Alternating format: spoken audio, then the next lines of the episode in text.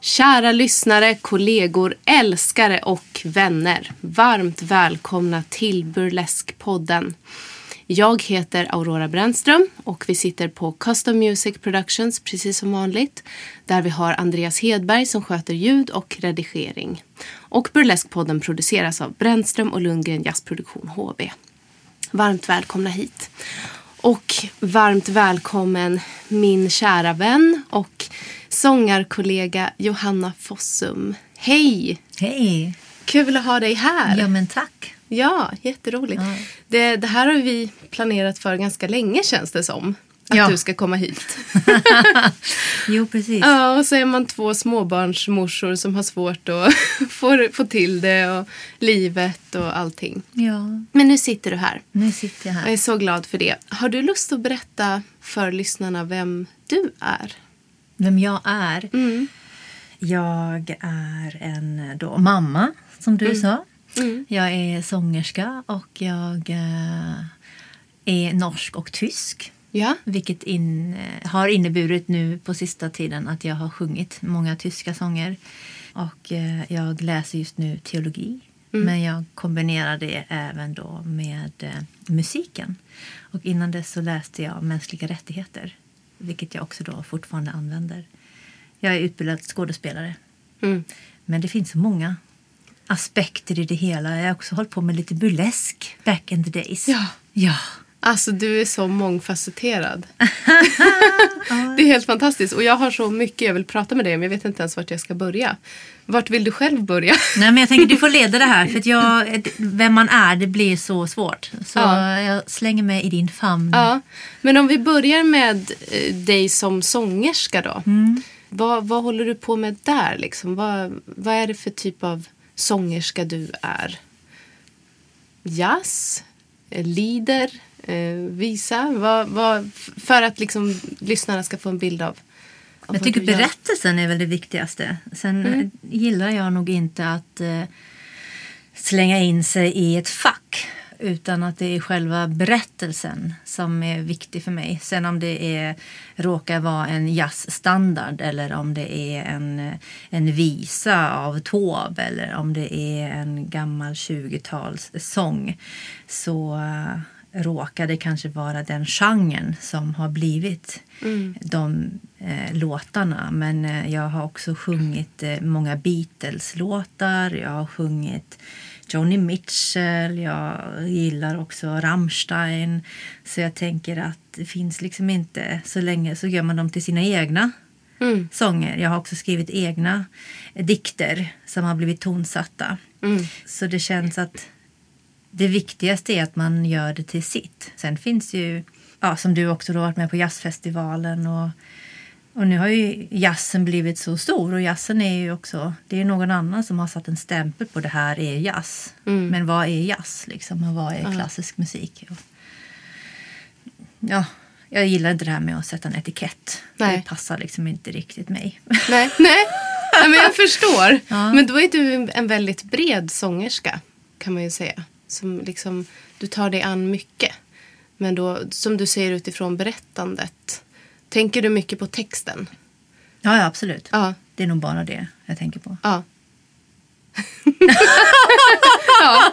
Ja, nej, men absolut. Definitivt. Mm. Du började, började du skådespela innan du började sjunga? Eller har det liksom varit parallellt? Eller vad, vad är hönan och ägget? Det, kan, det, precis, det är nog parallellt. Ja. Hur yttrar sig din skådespelartalang i det du gör sång, sångligt? Det får nog publiken avgöra. Ja. Det kommer bara i farten. Ja. I, I och med berättelsen, tänker jag. Det kan inte jag styra. Det Nej. är någonting som bara kommer ur från mitt hjärta. Det är ingenting jag regisserar fram. Liksom. Det är mitt väsen. Mm. Eh, det är ingenting som... Och sen finns ju de eh, sångare som får regi i sitt agerande. Liksom. Mm. För mig är det nog tvärtom vad det gäller teatern. Då kanske man behöver ha en regissör. Liksom. Och då mm, beroende på hur rollen är satt. Liksom. Att det finns en ensemble men i musiken så är det så lyckligt lottat som du också... När man har sina egna föreställningar så är man sin egen regissör med en egen ensemble så är man ju ett kollektiv på ett annat sätt. Ja, förutom Mm. att man har sina musiker så är man ju också en, ett kollektiv. Mm. Men eh, med teatern så är det ju ett större hänsynstagande, det låter dumt, men ett större hänsynstagande kring vart alla ska stå. Då finns ett, ett annat yttre öga liksom. Ja. Ja. Det låter flummigt. Lite, men... ja, jag vet inte, en teaterperson kanske liksom är med på det. Men, eh, Mm. ja. när, när började du med teater och när började du med sången? ja, nej, men jag har alltid hållit på med teater och sång. Mm. Sen jag var pytte, liten. Ja. Och sen så gick jag på musikskola på riktigt eh, liksom när jag var efter gymnasiet på, eh, i Norge. Och sen var det en parallellskola med The Royal Academy of Music i London. Mm. Så då eh, hade vi ett... Så då la jag liksom teatern lite grann på, på vänt. Mm. Men då hade jag alltid parallellarbetat med varandra. För då saknade jag liksom teatern jättemycket. Så då började jag på teaterskola i Stockholm Mm. efter musiken. Men då har musiken ändå funnits där som ett... Det går liksom inte att skilja, tänker jag. Nej. För allt är berättelser. Mm. Jag förstår. Ja. Ja. Och då kom Brecht in och Marlene Dietrich. Och, och Brecht är ju väldigt... Ja, använder ju jättemycket musik Mm. i sitt... Ja, ja, i Tolkningsoperan eller Mahagoni eller... Ja, alla de här verken Mm. Mm. som en förstärkning. Ja. Var kommer intresset ifrån? Alltså teaterintresset och sångintresset och det här. Du säger att du började som pytteliten. Vad, hur, hur kommer det sig? Kommer du från en musikerfamilj eller var det någonstans du hade... Hur hittade du liksom ens de här uttryckssätten? Eller skulle du säga att det kommer helt från dig själv? Jag hade en mormor som eh, spelade fiol. Eh, Ja. eh, men hon, det, sen har det en väldigt bråkig historia med min tyska bakgrund. De flydde och det var väldigt svårt. Men hon hade också en, ett munspel. Mm. Så hon hade det i sin kökslåda. Och sen så drog hon iväg mig till sin kökslåda så skulle hon spela lite munspel. Så det har liksom funnits i så små, i små fragment, det här eh, musicerandet. Och vi hade, eh, när vi bodde i Kanada så hade vi så kort på balletten. Väldigt så här tjusigt. Ja. Men jag har, det har liksom varit så en förtrollande värld. Men aldrig... eh, Och mamma skulle liksom hålla på med opera och bli operasångerska men det blev aldrig av. Så det har liksom inte varit att jag kommer från en speciellt musikerinriktad familj. Det sjungs liksom på julafton i min norska släkt. Men då så här sitter farmor och spelar piano och släkten sitter och äter kakor och det sjungs julsånger. Liksom. Mm. Men inte att det, så det är liksom väldigt så här Fanny och Alexander. ja, det låter jättemysigt. Ja, jo, det- absolut. Men det är väldigt uppstyrt. Det har nog varit en väldigt tolerant familj, tänker jag. Att de har sagt ja till, till det. Det är väldigt fint. Det, det ska man ju ta tillvara på, tänker jag. Att eh, en, sån, en sån familj och sån uppväxt, det låter ju väldigt, eller det är ju väldigt fint, tänker jag. Att få det som barn. Jag själv kommer ju från en familj där det var mer så här, för jag kommer ju från en musikerfamilj. Och där var det mer lite av ett krav kanske, att hålla på med musik. Sen har ju det blivit min lycka och, och liksom mitt uttryckssätt och min vilja. Men, men från början kanske det var lite mer sådär att ja men du ska. Att man eh, nästan inte ens, det fanns inte på kartan att man skulle hitta någon annan hobby. Mm, Utan det var musik som gällde liksom. just det. Ja. Men för dig, då låter det som att du skulle ha kunnat göra andra saker. Men du valde att hålla på med teatern och musiken. Och jag skulle inte, absolut inte hålla på med musik. Det var Nej. en kamp att jag skulle gå teatergymnasiet. Aha. Det var liksom att det fanns, jag låste in mig på toaletten tydligen. När jag sa men jag ska gå på teatergymnasiet. Mm. Bara, nej men du ska gå natur. Det fanns liksom inte. Aha. Ja, ja. Och Okej. pappa följde med till eh, gymnasiet och skulle liksom göra anteckningar och se hur vidare det var nog för hans dotter. att eh, Och mamma sa om du ska fortsätta vara vän med ditt barn då låter du henne gå på det här. Och, Mm. Okej. Ja, så det Ja. var jättekämpigt och det var det bästa jag kunde gjort. att Jag gick där. Mm. Det var liksom en sån förlösning. Att plötsligt så fanns det fler knäppisar som jag och vi fanns i samma klass. Liksom. Ja. Det var jättebra för min, eh, för min utveckling. Att vi är inte knäppa utan vi är liksom... vi är bara inte i boxen utan det finns olika boxar. Mm. Så det är intressant när du säger att medan i din familj var det så här, det är det du ska göra. Medan om du hade det kanske sagt, nej men jag vill bli marinbiolog. Mm. Och då hade det varit så här, men det finns inte på kartan. ja, Då blir det den här kampen. precis. Så det är de här olika boxarna. Och medan nu läser jag ju då, eller älskar att läsa juridik. Det är jättespännande, men man kan kombinera det. Medan jag sjunger ju fortfarande. Mm. Så att man kan kombinera. Det ena utesluter inte det andra. Man Nej. är så mycket. Man är så mycket. Ja. Men, eh, men jag älskar musiken. Jag älskar att sjunga. Jag älskar att stå på scen. Som nu där du berättade att Mm. det fanns en sån här... Nu senast när du hade konsert. Att det, det, det är... Eh, jag menar att man... Eh, en sån kick liksom. Mm. Och att det är väldigt härligt. Men det finns många kickar på många ställen. Men föräldrarnas eh, entusiasm är ju väldigt... ehm, man behöver ha den, det ryggstödet liksom. Mm. Ja, verkligen. Som liten. Mm. Oavsett vilken riktning man nu tar. Ja. ja, verkligen. Mm. Men eh, jag, jag tänker på det här, eh, nu, nu hoppar jag lite grann, men, men jag måste ändå få ta tag i det här som du pratar om nu. Liksom att, att man är så mycket, att man kan kombinera olika saker.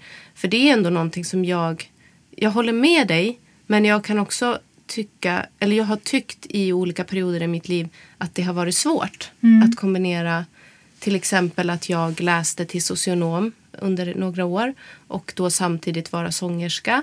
Eller att jag ett, en period jobbade för RFSU till exempel.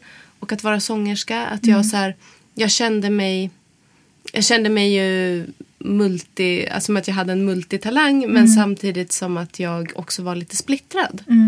Eh, kan du aldrig känna dig splittrad? Det- Absolut, visst. Ja. För jag tänker att det blir ju ändå liksom att om du håller på med juridik så måste du ju fokusera på det. Och sjunger du så måste du ju fokusera på det. Men att så här, jag, jag tyckte i alla fall att det, det svåra var liksom det här när man skulle gå från det ena till det andra. Att veta vart man är eller vem man är i det här mellanrummet. Så här, ja, men nu har jag suttit på skolan och skrivit en tenta. Jag har också läst juridik till exempel. Ja, nu har jag skrivit en tenta i juridik, okej, och ikväll så ska jag ha en spelning eller ikväll ska jag öva med det här bandet liksom. Och så bara, jaha, och vem är jag nu? Ja. ja. Men där menar jag ju då att många nu för tiden säger sig vara sakkunniga i vissa juridiska frågor. Säg kvinnorätt. Mm. Och blir liksom så här inom konsten. Eh, och nu när vi har haft metoo och vi har eh, tystnadtagning och vi har eh, ja, ja, det här förskräckliga med kvinnovåldet som har varit. Och då kan jag tycka det är jättefint att man har liksom en personlig erfarenhet. Men det kan bli problematiskt om man blir personligt sakkunnig utan att ha en juridisk... ehm, kunna komma med juridik i bakgrunden och ha CEDAW med sig, kvinnokommissionen. Och då gillar jag att kunna komma och ha CEDAW eller kvinnokommissionen med mig och kunna ha med, med det om jag nu ska ha konsert. Mm. Och inte bara komma med mina personliga tankar. För det kan ju vem som helst göra nu för tiden. Mm. Och då känner jag mig inte splittrad längre. För då vet jag hur jag kan använda det. Mm. Och det tycker jag är bara fördelaktigt. Och jag har läst så många olika. Om det är barnkonventionen, det är kvinnokonventionen, det är um, flyktingkonvention. Det är liksom så många olika sätt hur man kan använda det. Och när jag var i Genève på FN eller om jag var i Europaparlamentet och var där inbjuden till hur man kan använda just kultur som ett diplomatiskt sätt att förena nationer. Så absolut har jag nu en riktning på hur jag vill göra och jag är jätteklar i det. Sen får jag se vart jag har möjlighet att göra det. Mm. Men jag vill inte lämna musiken, absolut inte. Och jag vill känna mer tyngd i vart jag kan verka. Mm. Men jag är lite trött på vart samhället är på väg med alla så här personliga... Man har så mycket personligt... Liksom, allt blir så personligt och privat men man har inte liksom längre några sakkunniga. Eh, och då vill jag kunna. Jag vill kunna mer för att kunna komma med fakta men även liksom så privata och egna kommentarer till det. Och där har man konsten. Mm. Ja, men för jag har förstått att du också har uppträtt på en massa olika arenor där du har fått göra precis det här. Eh, Kan du berätta lite om det? Va- Vart har du uppträtt? I liksom där du har kunnat ta, ta med dig de här kunskaperna. Ja, eh, jag har varit på FN. Just det. Och sen har jag varit på eh, UN Women eh, Sverige Mm. ehm, i samband med metoo, när det var en stor manifestation. Eh, när man hade så års Orange Day. Mm. Där varje, den 25 varje månad så uppmärksammar man eh, eh, att man inte ska vara våldsam mot kvinnor. Det är så Ja. svårt att säga så här, våld mot kvinnor, utan tvärtom då. Ja. Och barn. Sen har jag ett nära samarbete också med tyska ambassaden. Mm. Så det finns många arenor där jag har möjlighet och eh, vad ska man säga, lyckligt lottad att träffa Mm. väldigt många spännande människor. Ja. Det finns ju en del andra också. Men eh, det är det jag kommer på just nu, så här, on the fly. Ja. ja, men det var nog de Ja. som jag tänkte på också. Eller det är det som jag har sett, sett eh, fladdra förbi i, flödet som du har gjort. Det låter ju jättespännande, tycker jag. Ja. Känner du liksom att din musik får en, en mening då? När du får göra de här? Absolut. Ja. Men också samtalet efteråt, tänker jag. Mm. Att det det, vad blir påverkansarbetet? Liksom, vad händer efteråt? Även om man har varit på konsert eller spelat på, um, ja, men på Regina teatern eller på teatrarna. Jättekul. Mm. Och sen samtalet efteråt är jättefint. Men som du säkert också känner att Mm. det är samtalen efteråt som är det fina. Ja. Att man inte bara sen försvinner. Mm. Ja. det kan ju bli väldigt fint. Mm. Jag, jag tycker ju personligen att det där när man har klivit av scenen och ska prata med sin publik är lite läskigt.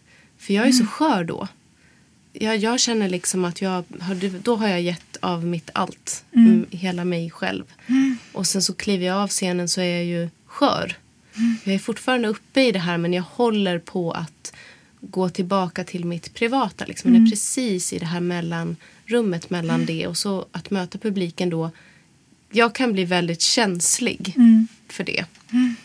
Men, eh, men eh, så det är väldigt så här beroende på vad det blir för typ av samtal tycker jag. Om, om det liksom ger mig någonting eller om jag ryggar tillbaka för det.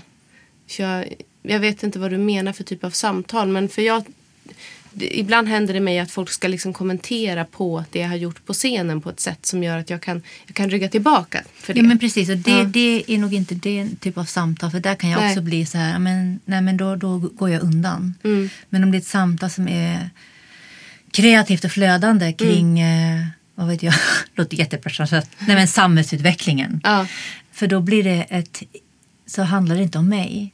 nej. Jag vill inte att det ska handla om mig. Det handlar inte om mig. Mm. Det får aldrig handla om mig.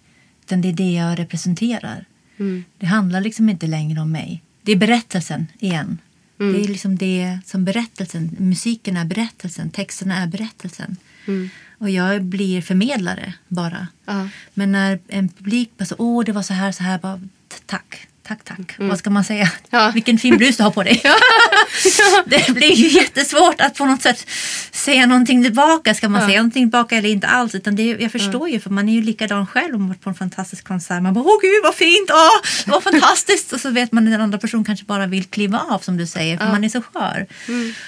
Eh, Precis. Medan man bara vill säga, åh wow, det var det bästa jag sett. ja, men då förstår jag dig. Mm. Då förstår jag vad du menar. Ja. För det är jättejobbigt. Man vill liksom bara på med briller och sen dra iväg. Ja. Men, eh, ja. ja. Men det är olika konserter förstås beroende på hur politisk man är. Liksom. Mm.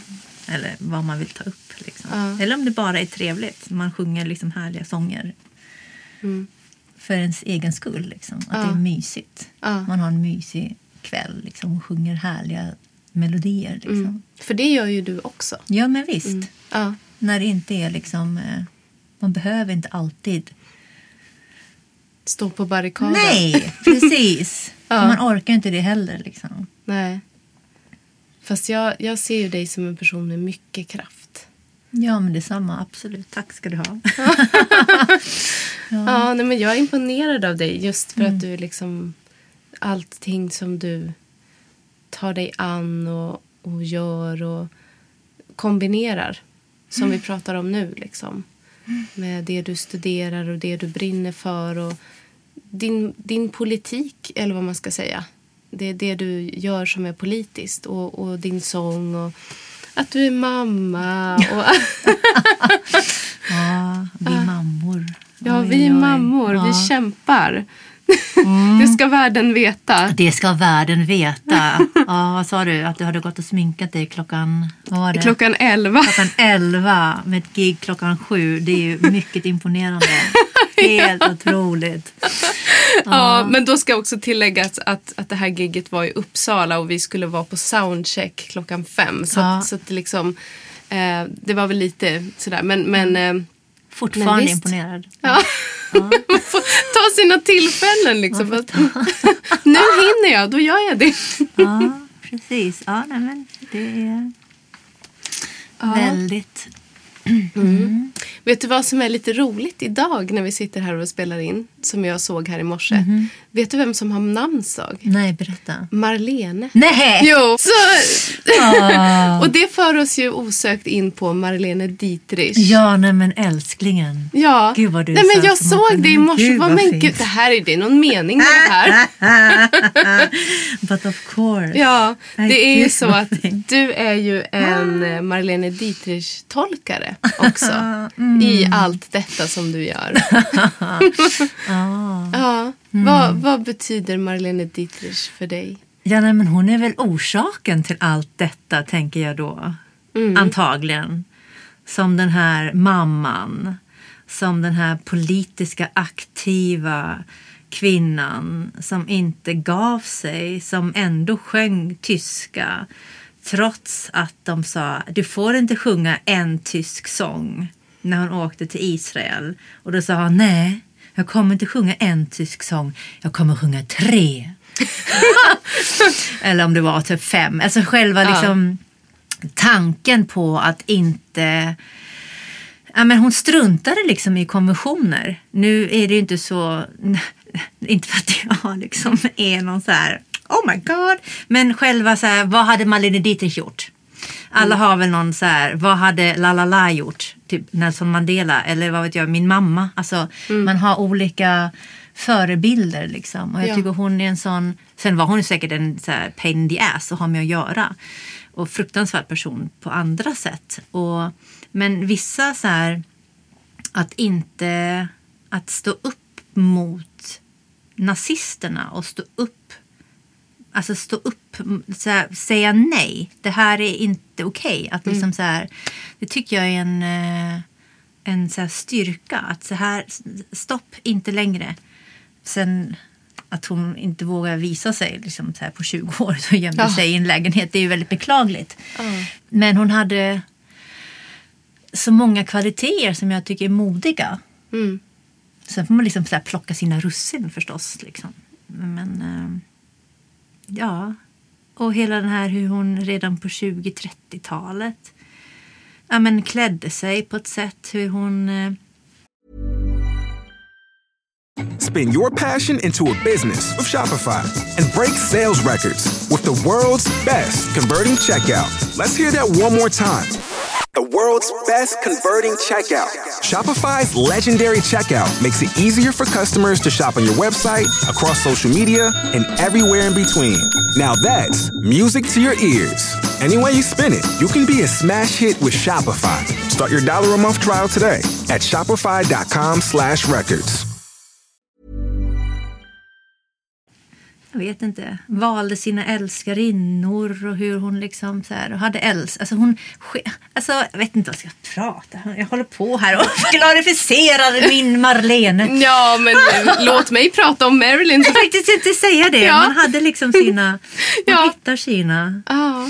Ja. Ja men det är ju verkligen så. Gud, jag, jag ser verkligen på dig att så här, det här, dina ögon Precis. glittrar. Don't open this door. Liksom. Ja. Det tycker jag verkligen att vi ska göra. Ja, ja, men fortsätt då. Ja.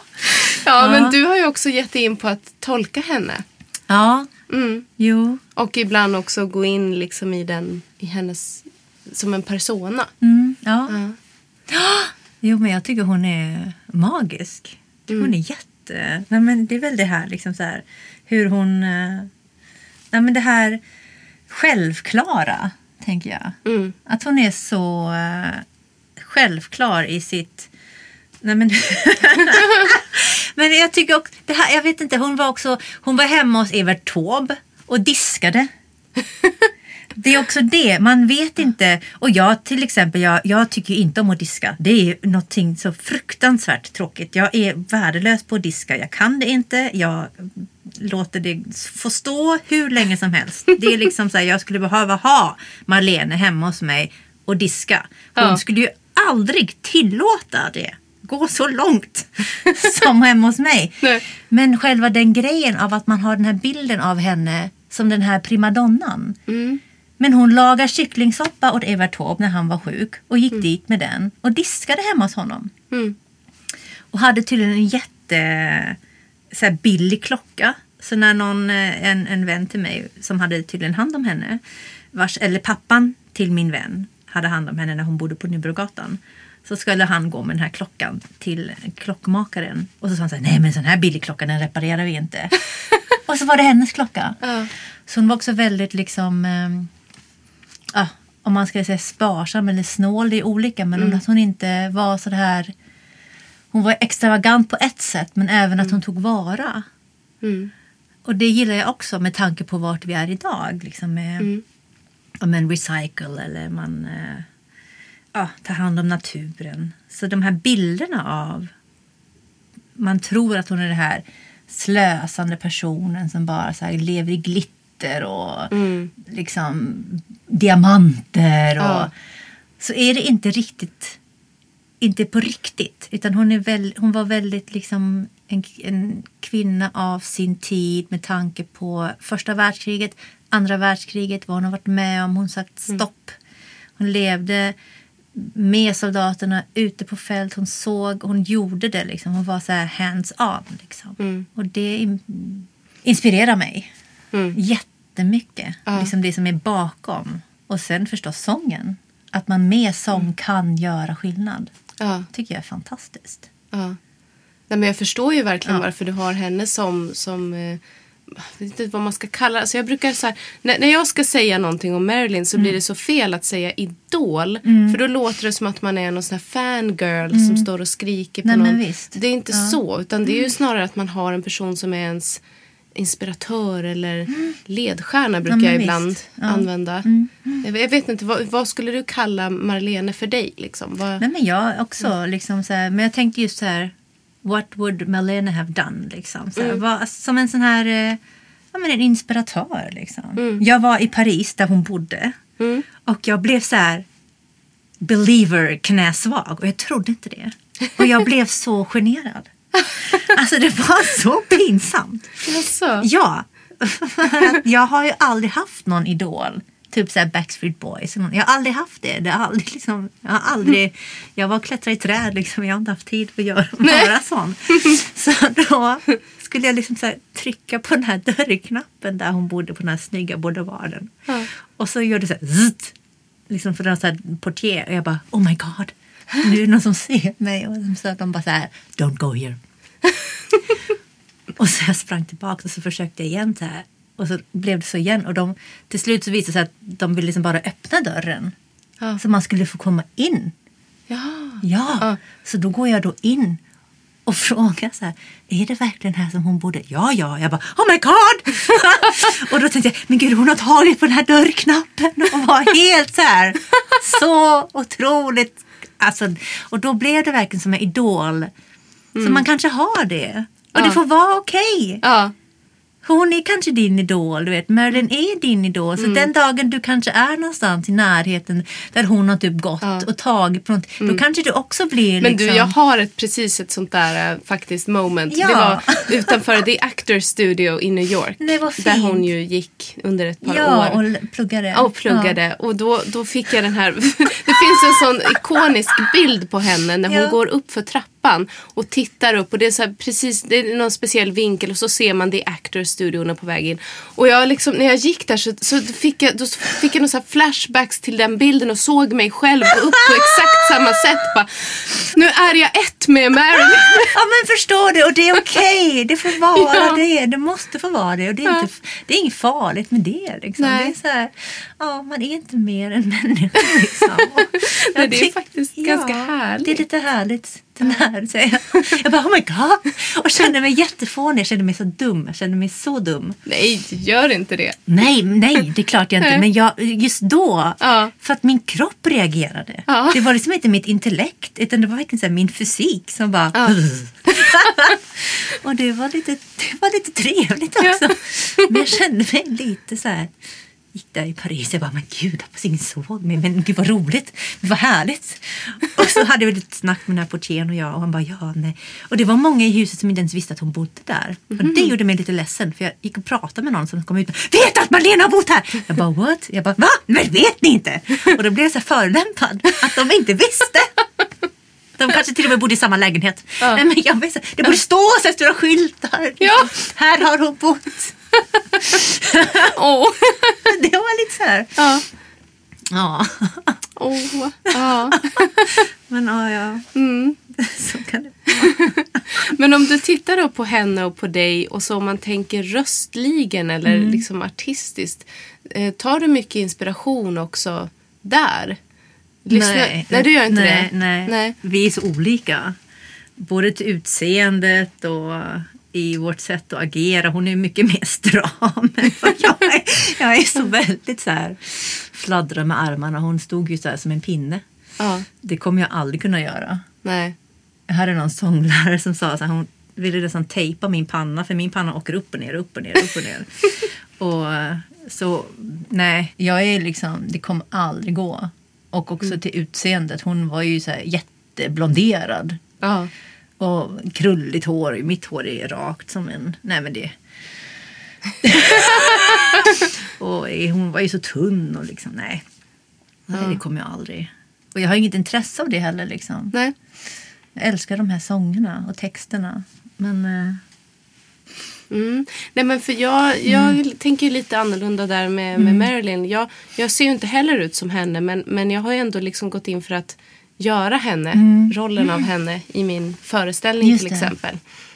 Men, men jag vet inte, jag har så här gett mig... Jag, jag, vad ska man säga? Jag, jag skiter i om jag inte är så lik henne. Jag vill Mm. vara henne ändå. Och liksom sätter på mig de kläderna som hon skulle kunnat haft. Och jag, Mm. jag har min peruk och jag sminkar mig ungefär som, som hon gjorde. Mm. Och jag vet att jag blir inte porträttlik. Men jag tänker att det, jag blir så lik som jag kan bli och jag tänker gå in för det. Liksom. Mm. Eh, och jag tycker att det är ganska härligt att få göra om mig själv Mm. till just det. Ja, få gå in i hennes person Mm. på det sättet. Eh, ja, för kroppsligen och liksom utseendemässigt så är jag inte heller så lik henne Mm. kanske. Det enda är att jag har den här lilla leverfläcken. Vad fint att ha blivit kysst av henne Ja. på kinden. Precis. Nej, men jag tänker man kanske har inspiration av liksom kläder och sättet att vara. Då blir det liksom att man tar, tar in Mm. attribut. Men rent röstmässigt är det liksom, och, och kroppsmässigt har man liksom en annan, för man är ju sig själv liksom. Ja, ja. och, och så vidare. Sen om det är en tid man gillar, om det är 50-talet eller liksom, så har man ju ändå liksom olika epoker. Och jag älskar 30-talet. Jag tycker 30-talsmodet är fantastiskt. Det är helt makalöst. Liksom. Ja. Det är otroligt elegant och tjusigt. Liksom. Och de här långa klänningarna och vida byxor. Och Det passar liksom mig i, i kroppen också. Men, eh, men att, att, att vara Marlene Det har liksom inte riktigt... Sen kanske jag vet jag, om tio år vore det kul att liksom testa och göra vad vet jag, man kan... Jag gjorde en grej med på um, Dragons Art där jag var unga Marlene och så har ju vi gjort en grej också. Ja, precis. Eh, och så var, var det en gammal Marlene och det är ju kul att göra och, och liksom göra själva essensen av det. Ja. Mm. Men inte göra en lookalike liksom. Nej. Så det är ju roligt. Mm. Och liksom så här, kanske så här, hur tänker liksom? Vad hade hon gjort? Mm. Utifrån ens egen tanke. Ja. Utifrån berättelsen av henne. Liksom. Ja. Jag, jag har faktiskt fått väldigt mycket fin feedback efter den här grejen som du och jag gjorde. Mm. Eh, Jag och Johanna gjorde en, eh, en föreställning en gång som hette Mm. Marlene och Marilyn. Och då, då gjorde ju vi våra egna tolkningar av våra, våra idoler. Mm. Eh, och sen så, så det var, vi sjöng deras sånger och vi berättade liksom om sångerna och om dem. Och, och jag har fått jättemycket fin feedback på den föreställningen. Att folk tyckte verkligen om det. Det är ju väldigt Nej men Härligt. precis. Ja, det var jättefint. Ja. Ja, det var väldigt... Eh, jag också. Mm. Ja. Att det, och jag tror konceptet i det blev så bra för vi pratade som om. Och eh, det blev liksom personligt. ja. Och vi var även oss själva men även det. Det blev en förhöjning av. Precis. Och jag tror det, det blev eh, en igenkänning. För då kan man också känna igen sig som person i det. Liksom. Jag vet inte. Så det konceptet tyckte jag var jätteroligt. Ja, jag med. Ja. Verkligen. To be continued. Ja, precis. ja. Jag tänkte, det här är ju ändå Burleskpodden. Och du sa att du har hållit på lite med burlesk Oh my också. God. Ja. Oh Christ. ja. Oj, oj, oj. Vill du berätta lite om, om vad det har varit? Oj, oj, oj. Ja, 2008. Här är länge sedan. Mm. Så hoochie coochie. Ja. Så eh, jag var nog den mest påklädda burleskartisten back in the days.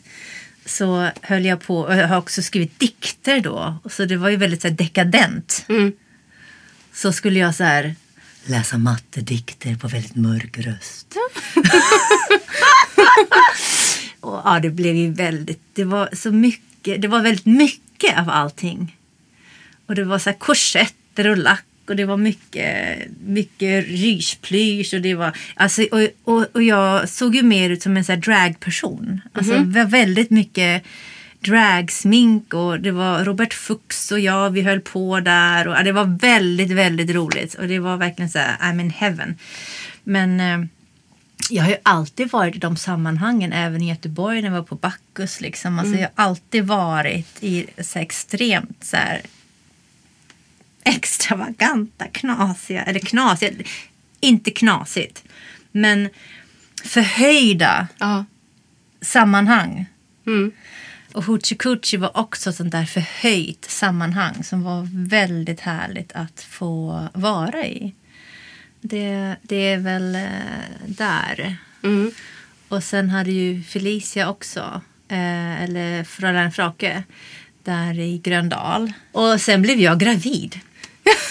Så där var jag gravid Ja. och gick omkring där i någon dirndl med jättemage. Och sen kom barn Ja. och då försvann liksom den delen. Mm. Eh, Så då fick det ta en paus. Liksom. Så Ja. 2011 kom mitt, min lilla bebis. Mm. Men innan dess så var det en del... ja, det var roligt. ja. Hur kom du in på det? Hur jag kom in på det? Ja. Ja, nej men hur jag kom in, ja, hur jag kom in på det. Nej men jag gick ju på, på um, Kulturama. Ja. Och då var ju Rebecka där och ehm, Rasmus. Eh, så vi var ju liksom ett, ett glatt litet... Ja. Och, men det var väl via Robert Fuchs tror jag kanske. Ja. Jag minns inte, det var en så liten värld liksom. Ja. Det var inte alls lika stort som nu. Nej. Det var pyttelitet. Alltså man, man köpte ju, alltså att hitta en korsett det var ju inte alls liksom. Det var, alltså det var ju, nu köper folk korsetter på Lindex. Ja. Det var ju inte, det var ju liksom Det fanns inte på världskartan. Liksom. Det Nej. var ju så här, oj, rean. Liksom. Alltså det, det, nu går ju varenda en och hittar liksom. Ja. Det är ju det är inte, folk går ju med korsetter på sommaren.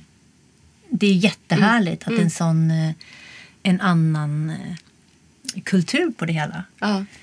Så då var det ju, det var ju, det var jätte, det var inte alls på samma, Nej. på samma sätt. Så jag vet inte, för mig har det alltid varit en väldigt naturlig del. Jag har inte ens funderat över hur jag kom in på det. För det Nej. har liksom varit, det var en självklarhet. Det var Mm. liksom en så här, det var liksom inte någonting jag funderade över att det inte var en naturlig del av mitt liv. Nej. Utan det var ju sen jag var typ vad vet jag, 15-16 Mm. har det alltid funnits. Ja.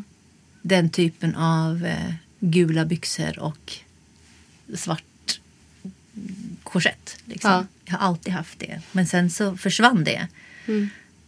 För att, jag vet inte, barn liksom. Mm. Så jag är väldigt tacksam över att det har blivit mer normaliserat. Ja. Vad ska jag säga? För att det blir mer en del av allas vardag. Mm. För att du kan köpa en korsett på Lindex. Det är inte så konstigt. Eh, och det är väldigt fint. Ja. Och du har en podd. Liksom. Det är inte så märkvärdigt på något sätt. Missförstå mig inte. Mm. Men det är väldigt fint att, ehm, att det har kommit upp till, eh, till allas kännedom. Att det inte Mm. är så hysch hysch. Alltså, förstår du hur mm. jag tänker? ja, absolut. Eh, de här boxarna är mer, de är större. Ja. Alla får vara med. Ja. Och det är roligt. Ja. Men du har ju på sätt och vis, du sa att, att det, liksom, det tog en paus där när du fick barn och så. Mm. Men du har ju på något sätt kommit tillbaka till burlesken lite grann. För du har ju uppträtt på, på Fräulein Fraukes, på Nalen. Är det, det är flera gånger. Mm. Ja. Så, så lite liksom är du ju... Ja, but I don't show the titties.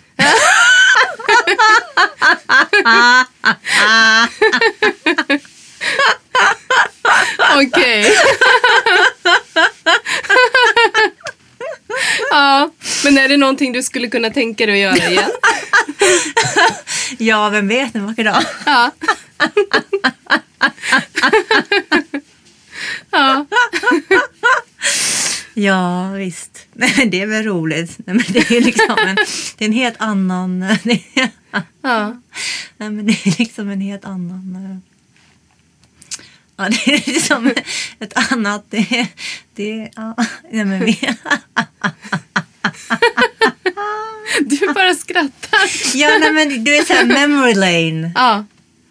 Från liksom, du vet, så här 16-åriga Johanna till liksom så här 20, 23 till numera 39. Och man är fortfarande i så här burlesksvängen. Men från att vara med den här, så här aftonklänningspersonen till att vara så här helt så här... Och då fanns det ju inte heller mobiltelefon Nej. liksom när man var 16, då tog man inte kort på samma sätt. Nej. Det finns inte dokumenterat. Nej. Och det är väldigt sorgligt. Ja. Eh, och även, jag tror jag skulle köpa någon så här kamera för att så här fota något hoochie. Alltså det finns ju inga bilder. Nej. Ja, det är tråkigt. Ja, alltså det är jättetrist liksom. Så det finns inte så här samma, finns inte samma bildarkiv på det sättet. Och man gick inte omkring heller och, och, och fotade. Eller så ska man med sig en stor kamera. Mm. Och det är lite trist. Ja. Att det, man har minnena liksom på ett annat sätt. Eller jag har det, för jag var inte Mm. alls lika aktiv. Alltså det var inte alls...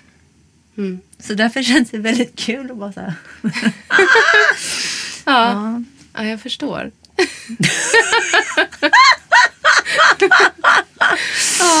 Jag kommer ihåg när, när jag var tonåring och, och liksom man, man ställde in kameran på så här 10 sekunder. Mm. Och så ställde man den på ett stativ och så sprang vi och så gjorde vi någon cool pose. Just och klick så tog man en bild och så bara okej men vi har tre bilder kvar nu på den här rullen. Vi tar tre påsar Ja, till. fint! Och så tog man med sig på resa liksom. Ja, Men det är kanske bra att ha det så igen. Lite så här restriktion liksom. Ja. ja, det är ju väldigt mycket bilder nu å andra sidan. Ja. Nu får man ju vara lite så mer uppmärksam på vad som kommer upp. Vad, Mm. vad är det man visar upp och vad är det som... Liksom, vad blir man taggad i för bilder? Och, Just det. ja.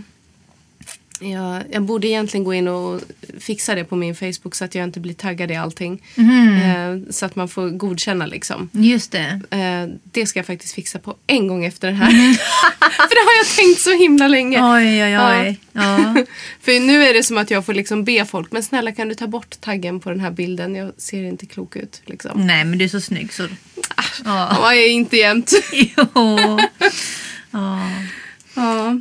Johanna, när du kom hit idag, var det någonting så här särskilt som du hade tänkt att det här vill jag berätta eller det här hade jag velat prata om idag? Nej, men vet du, jag kom hit och var alldeles så här... Som jag sa, jag slängde i din famn. Så jag Ja. kom hit helt blank.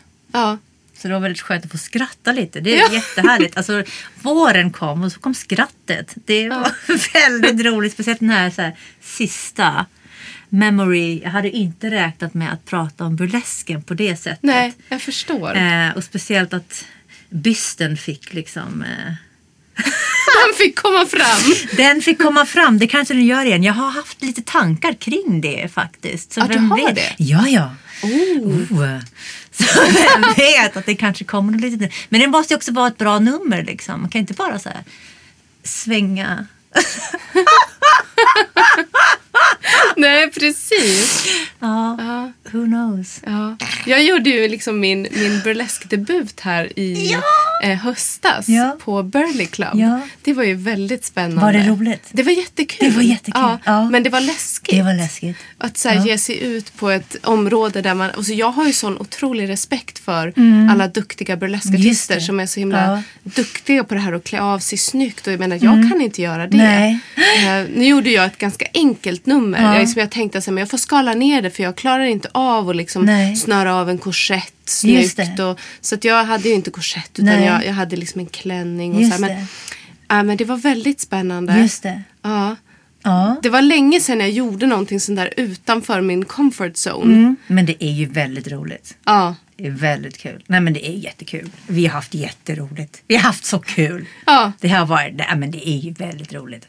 Om man gör det kul liksom. Därför är du liksom, jag hade inte räknat med att prata om det. Nej. Det där fick du mig. nej, det var väl, men de där, den där tiden har varit, det varit så roligt. Men där stod folk också närmare liksom. Där på, på Kägelbanan, där stod man väldigt nära folk. De var ju nästan på scenen. Ja. Man var liksom väldigt så här, alltså de var ju så nära. Det blev liksom att man så här, ja det var, Ja. ja man var liksom så här omhuldad. Mm. Det hjälpte liksom, ja det var. Var det länge sedan du gjorde något sånt där du hade publiken så, så tätt inpå? Nej, inte med sången. Nej, Men med liksom så här någon form av så här, med kropp. ja absolut. Ja. ja, jag förstår. Ja, teatern kan ju vara sån men alltså, då blir det fortfarande så här, någon form av, eh, ja jag vet inte. Ja, vi får se vart livet tar en. Ja. ja, det vet man inte. Det vet man inte. Nej. Ja. Va, vad har du för annan. framtidstankar med din, ditt artisteri? Vart är du på väg? Ja, det finns en vision, det, eller det finns en plan nu efter påsken. Men det är lite hemligt så man får se. Ja. Okej. Mhm, Gud vad spännande. Mm, jag vet, det är jättespännande. Jag är lite nervös. Men det, det, jag får återkomma. Ja, Okej, Så men om, om man är väldigt nyfiken på det då, och sådär, hur ska man kunna följa dig? Om det är någon här ute som nu Ja. är jättenyfiken Ja, jag på Johanna. vet. Då behö, jag, behöver, jag behöver hjälp med, med någon som kan hjälpa mig med min hemsida. För den har inte uppdaterats på så här, vad vet jag, tre år. eh, nej, men alltså jag, ja fy. Nej men eh, det, ja men jag, ja. I will let you know. Mm. Ja, Men jag är extremt dålig på eh, så här, sociala medier. jag förstår. Det är min akilleshäl. Ja. Det är inget bra. Jag är, det, det, det ju- jag är så... Nej, men jag har... eh, Ja, jag har den här planen nu. Vi får se vart hän den leder mig. Ja. Men jag kan inte, inte ta den. Då får det bli en liten cliffhanger. Det får bli en cliffhanger. Men Ja. Mm. jag känner mig på nålar. Det känns jättekul. Gud vad spännande. Ja, jag vet. Ja. Kära du. ja, jag, jag, jag sitter här också bara för vad, är det för? Ja, Ja. vi får se. Men jag ska väl bli bättre på att liksom göra en Mm. uppdatering på eh, hemsida, på Facebook-sidan och, och alla de här mm, måste göra. Men jag har Mm. liksom, det har inte varit min. Alltså det roliga är att det är väldigt många som säger lite som du så här, när jag frågar men vart kan man följa det? Ja, ja, jag borde uppdatera hemsidan och det Ja. liksom ligger lite som ett dåligt samvete sådär. Ja, just det. Ja. Hur gör de då? alltså, Nej men jag vet inte. Det, jag tror att det, folk gör det lite sporadiskt. just det. Eh, Ja. Mm. Sån är ju jag också. Att Man tar en, en, liksom, en dust med det där någon gång ibland. Och bara, Mm. nej men nu, nu uppdaterar jag hemsidan. Och så blir det att det kommer li, kanske lite, det halkar lite efter Det halkar saker lite och ting. efter. Ja. Ehm, men eh, Alltså Teaterförbundet hörde till och med av sig tror jag, för två år sedan eller ett år sedan och sa Johanna, vi ser ju här att du inte har uppdaterat hemsidan. Vill du att vi ska hjälpa dig? Man bara, ja tack! Okej. Ja, så det är väldigt gulligt för jag är, det, det, det är liksom, det är på den nivån. ja. Det är, så jag är bara, ja, dina chanser ökar ju om du liksom, jag bara tack. Så alla, alla castingar som jag går på är ju tack vare att jag blir kontaktad och det är ju liksom otroligt förmätet. Så tack, tack, tack, tack. Nej men jag är, det är jättehemskt. Men det är bra, det är det jag ska göra. Jag ska ta en dag och bara just do it. För det är tråkigt, jag gillar ju det liksom. Och, ja, speciellt nu med den här grejen, då måste det vara lite ja. där, jag tycker du inspirerar där på det sättet att du får saker och ting gjort. Jag kommer ihåg när vi satt där vid Södra Teatern och liksom spånade.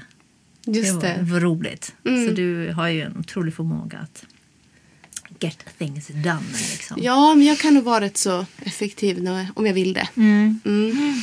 det är bra. Ja. Jag ska ta till mig de inspirationskällorna också. Ja.